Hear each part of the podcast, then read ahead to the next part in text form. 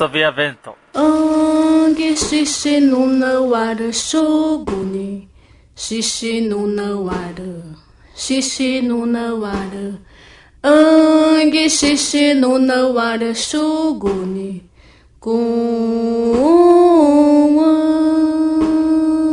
Ongi opanji wara shoguni. Opa anji wara. Opa anji wara. Angeura Amawara Shoguni Kuan Ange conopia Shoguni conopia, conopia. Ange conopia Shoguni Kuan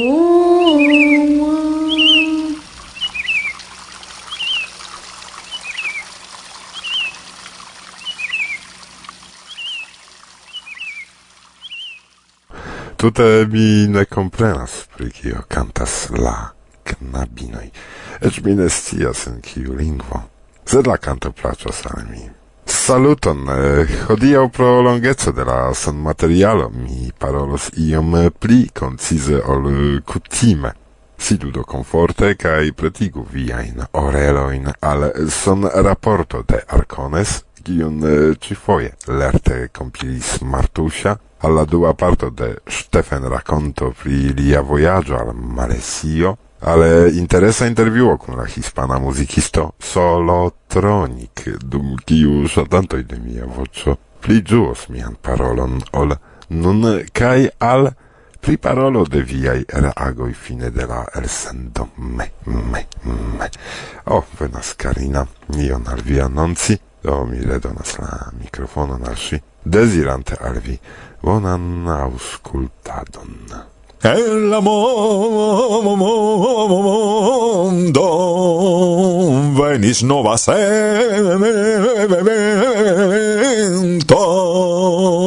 tra la mondo iras forta voco ole Saluton! En eldonejo de vinil vinilkosmo aperis du novaj kodojn, pri kiu simple valoras mencii. Unu el ili estas por nia redakcio speciale proxima, de longe attendita, char koncernas artiston, amikon de nia redakcio, kiun de certa tempo vi povos ausculti ja en ĉiu elsendo per la musica en conduco, Varsovia Vento la podcasto mia ciam bona momento. Temas pri Eric Longila, alinome inicialoj DOCO, kies nova kodo disco Urbano aperis jus antaŭ kelkaj semajnoj. Eric estas franca artisto, kiu plenumas sian elektromuzik-vidan projekton sola de jam 2003. Li eldonis jam kelkaj kodojn, ne nur en Esperanto. Tamen por scii pli multe venu al la paĝo de inicialoj DOCO, kies ligilo troviĝas kaj en priskribo de la elsendo, kaj en la subpaĝo de ligiloj.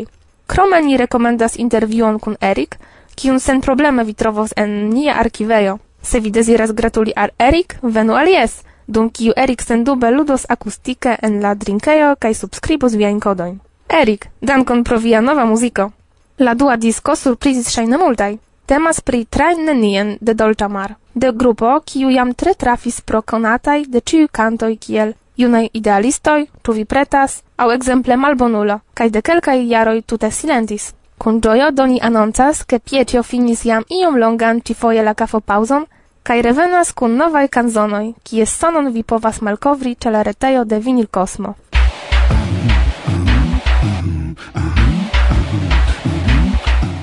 Varsovia vento, la podcasto mia ciam bona momento. Varsovia vento, la orgasmo radia mi ne havas tro.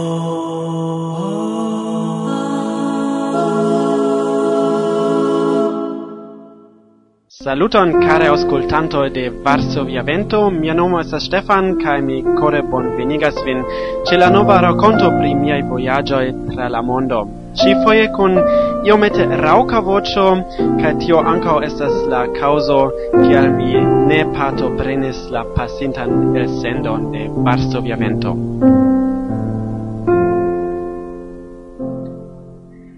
Kelkaj tagoi post mia alveno en Kuala Lumpuro, la chef urbo de Malasio, mi daurigis mian voyagion suden al Singapuro.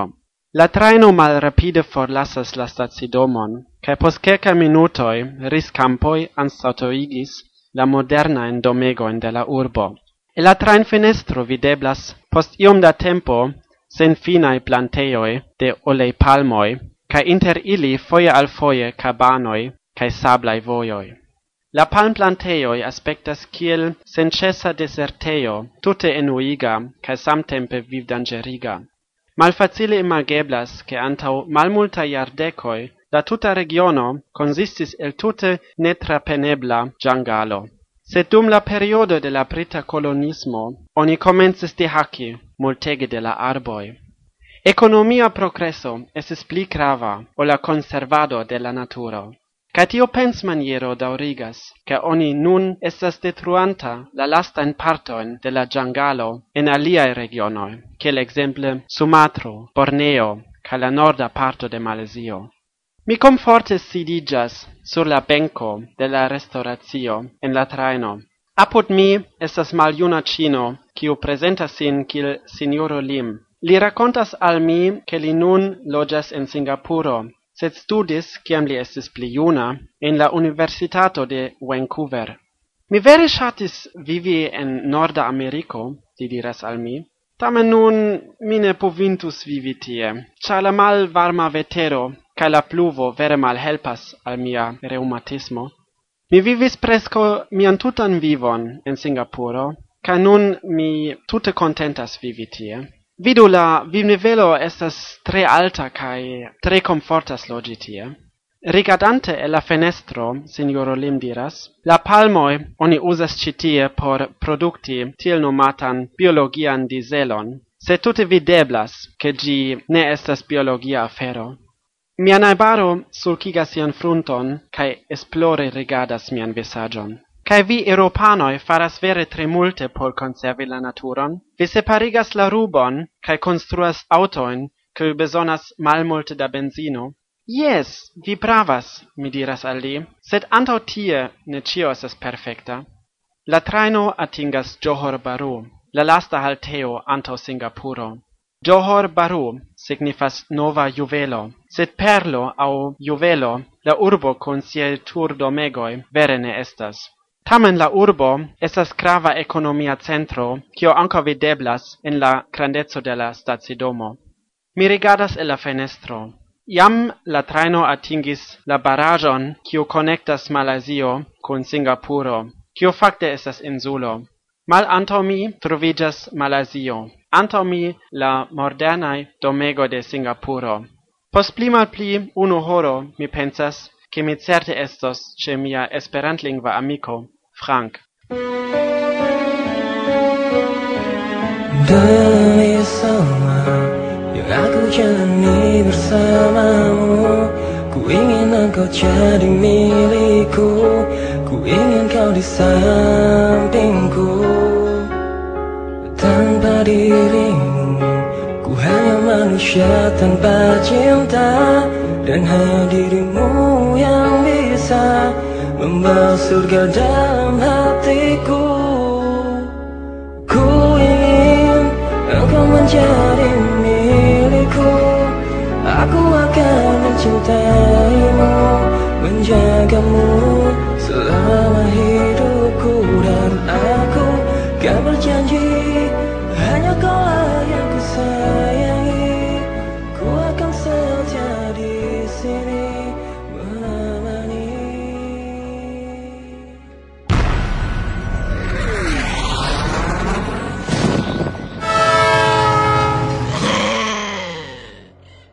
Os habla solo Tronic. Emite para vosotros Varsovia Vento.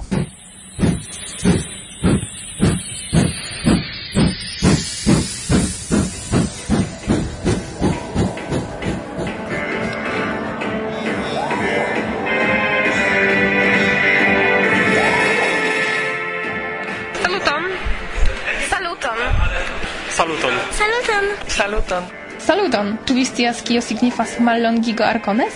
Dum mia unua partopreno en Arcones mi extis la signifon de tiu vorto. Atendo, nun venas grava momento. Bla, bla, bla.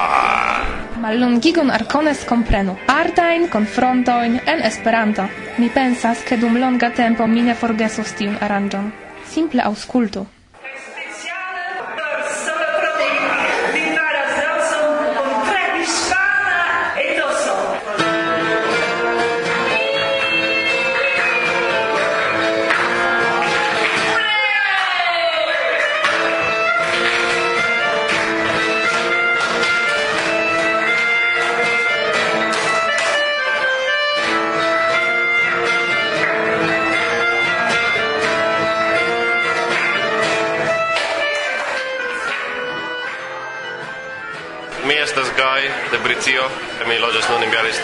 estis la plej rava semajno de mia tutevivo. Tre, tre, tre bona mia prelego pri la volontula servo. Nur tio? Kaj ankaŭ danci mezepokajn dancojn. Kaj hodiaŭ mi ne povas eh, movi, ĉar eh, ĉio doloras pro danco ĝis eble dua. Tio estas tre amuza.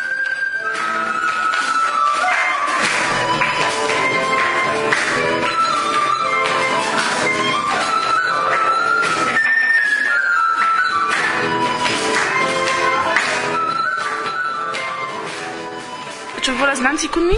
Kompreneble. Capriola danco? Kompreneble. Do, dancu!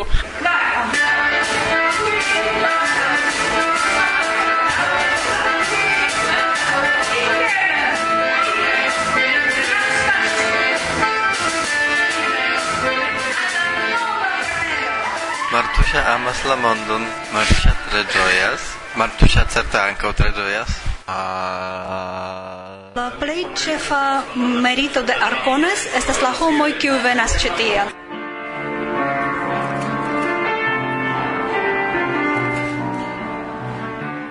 Mi estas Johannes Germanio, kaj estas mia unua Arcones ĉi jare, do mi faris etan koncerton.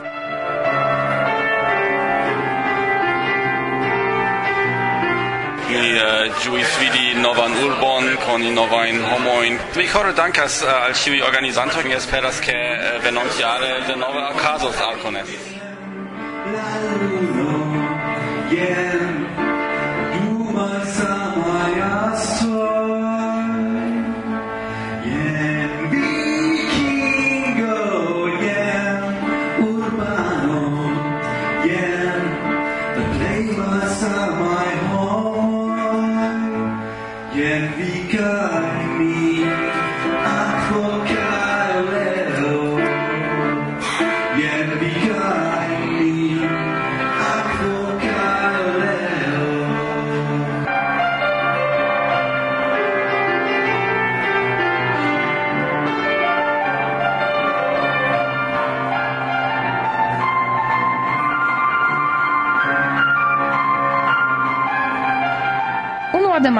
Ĉu vere temas pri artaj konfrontoj?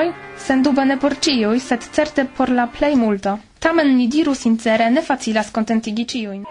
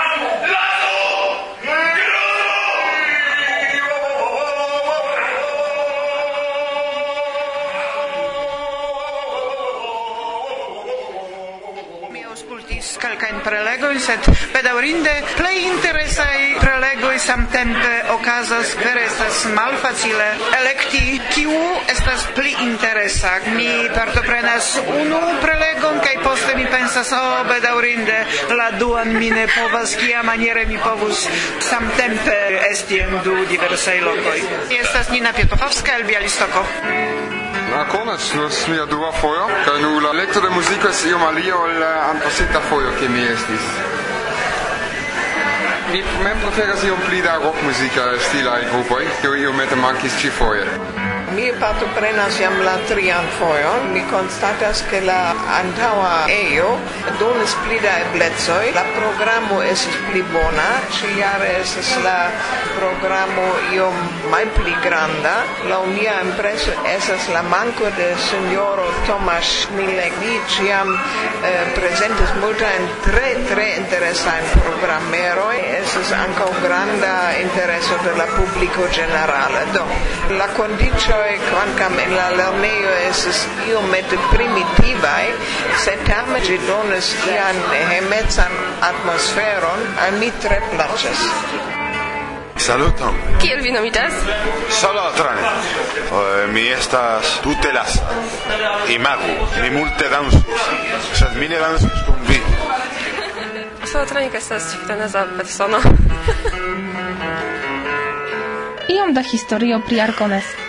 La unuan organizis la loka klubo Orbita Paweł Figer kaj Zbyszek Kornicki. Poste engaĝiĝis en tio Pola Studenta Esperanta Komitato, ĉefe Paweł Janowczyk, kaj de tiu momento ĝi vere interesa kaj internacia, kaj daŭras ĝis nun.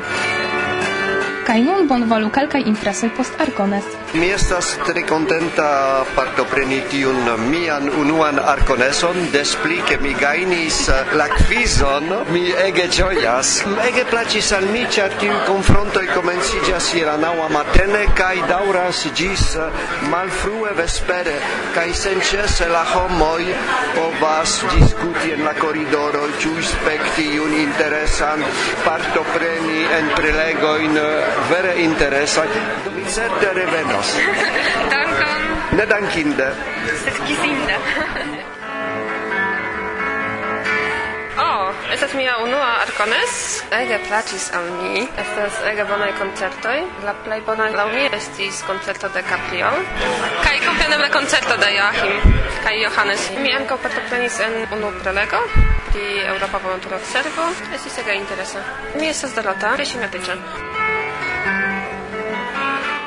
estas sufiĉe agrabla aranĝo ĉiam ĉi tie en Poznan kaj mi volonte venas ĉi tien renkontiĝas kun multaj homoj tre plaĉas mia nomo estas Lu.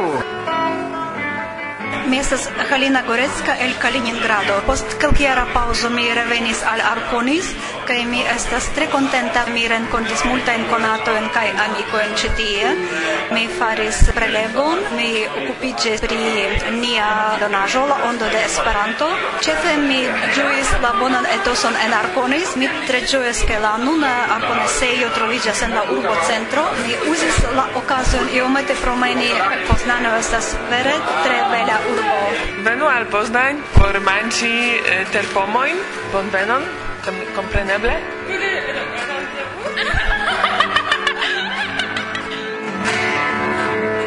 Mi nomidas Juan Fernando Ramirez Pedro. Priarcones, mi povas diri ke ni bone palikotuvkumis. Tre bone, perfekte.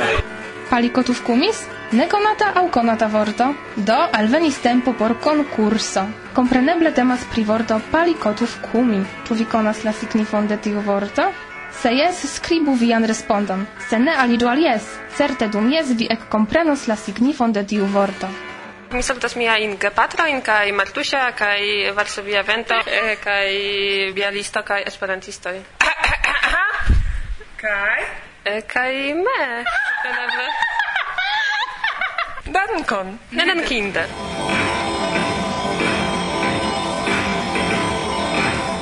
Saluton al ciu. Mi ŝatus saluti miajn geamikojn el la tuta mondo. Do karaj, aliĝu por sekvonta konesen Poznano, kie ni povos denove renkontiĝi. Ĝis mi atendas vin. Salutu MTP. Enskribu arcones en vian aranĝan kalendaron kaj ne forgesu ke pli da informoj vi trovos en la paĝo arcones.org. Ĝis la venonta arcones. Kaj ĉu vi diris veron dum intervjuo? ne, mi nomiĝas Martusia.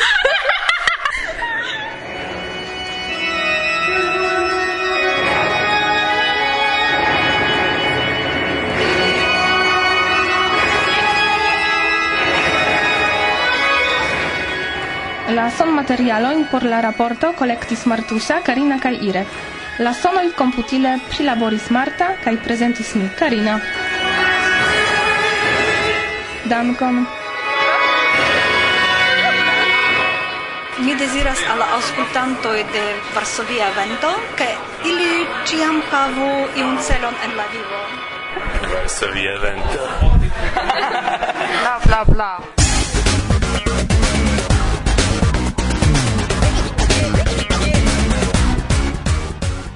Mi estas du terpomoi, unu frita ovo cum bona vino ancau. Kai en la fono la mistero de la electronico solo tronic. Solo tronic.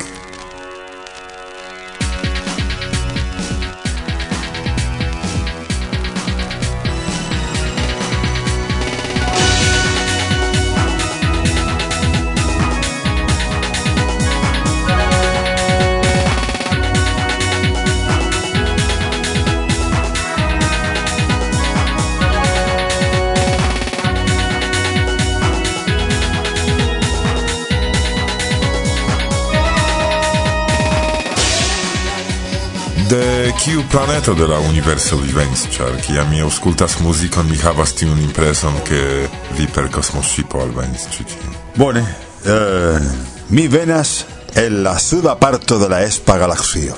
Tiu suda parto estas for formita per kelkaj sistemoj kaj interne de tiuj sistemoj estas kelkaj planedoj, unu de ili estas mia, kiu nomiĝas Vulcano Latria revenante sur la teron, en kiu circunstance vi esperantistigis? Eh, estis en la jaro 1980 mi sercis ion novan en mia vivo, mi jam aŭdis pri Esperanto en mia planedo, Esperanto estas tre konata, sed ne akceptata. En mia planedo existas cafejo Esperanto, Academio Esperanto, Strato Esperanto, Plazo Esperanto, Glorieto Esperanto, sed neniu temas Esperanto. Tio estas la. Kaj eh, tiu ĉiam allogis al mi. Unu amiko eh, estas esperantisto diris al mi, kial cantas en Esperanto aŭ faras ion muzike en Esperanto? Tibucasis el laiaro mil nausend hoc de quin, en la estasidomo de mia planedo. Ahí estis multae da shipoi qui venis kai iris, Li Juste li prenis shipon, cosma shipon por visiti la Hispana Congreso de Esperanto en la urbo de Madrido. kai do tiu estis hazardo ke mi trapasis la mun kai mi trovis kun li kaj parolis pri tia temo. Mi diris, ah, eble, eble stontese mi povas fari ion en Esperanto.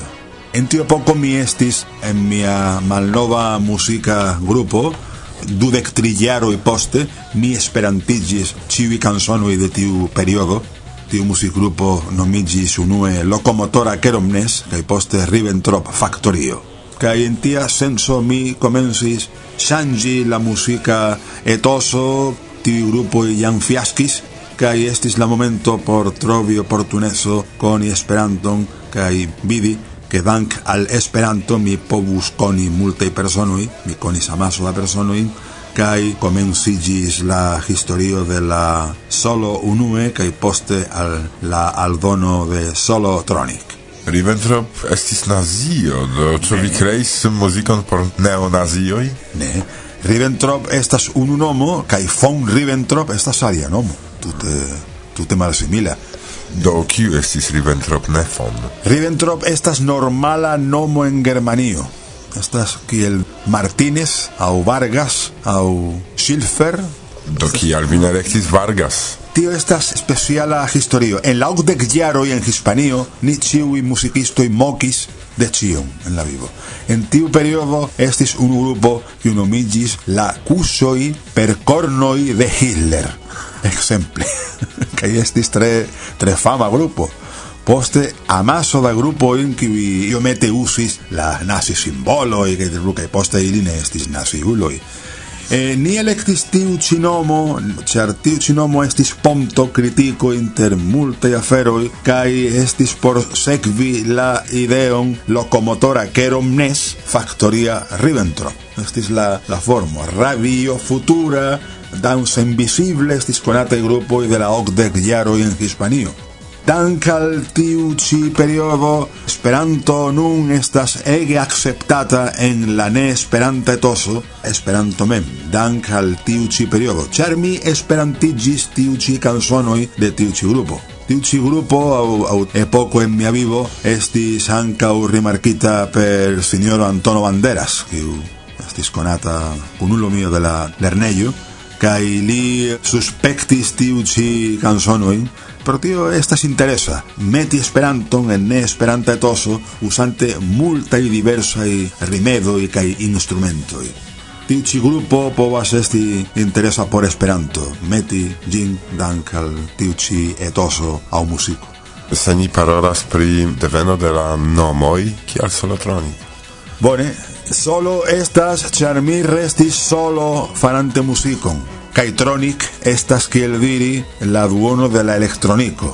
Li manĝas elekt kaj metas solo kaj poste aldonas tronic per co, ne per so, kiel multaj eh, ĵurnalistoj eh, uzis anstataŭ meti la co de solo tronic. Solo estas ankaŭ solakafo, kiel... Pues, oh, sí.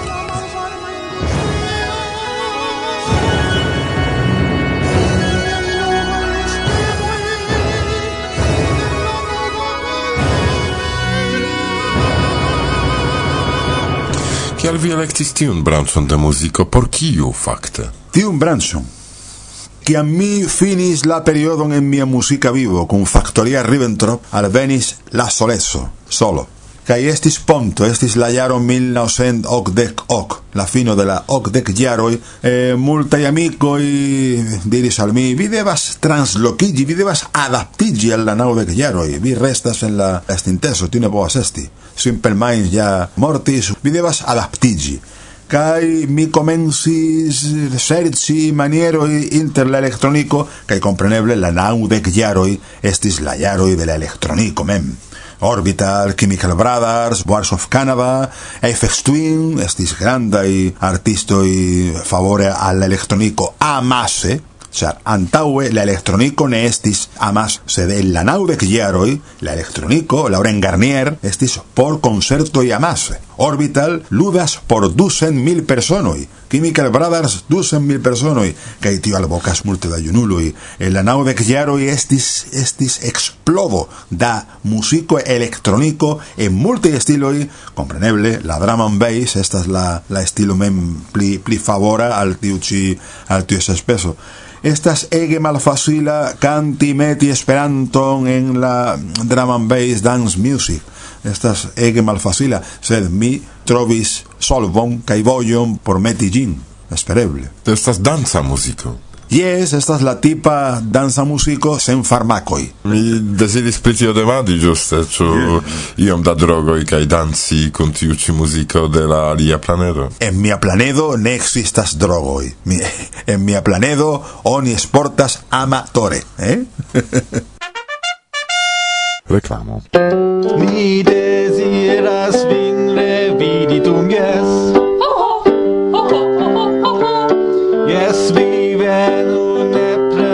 Yeah. je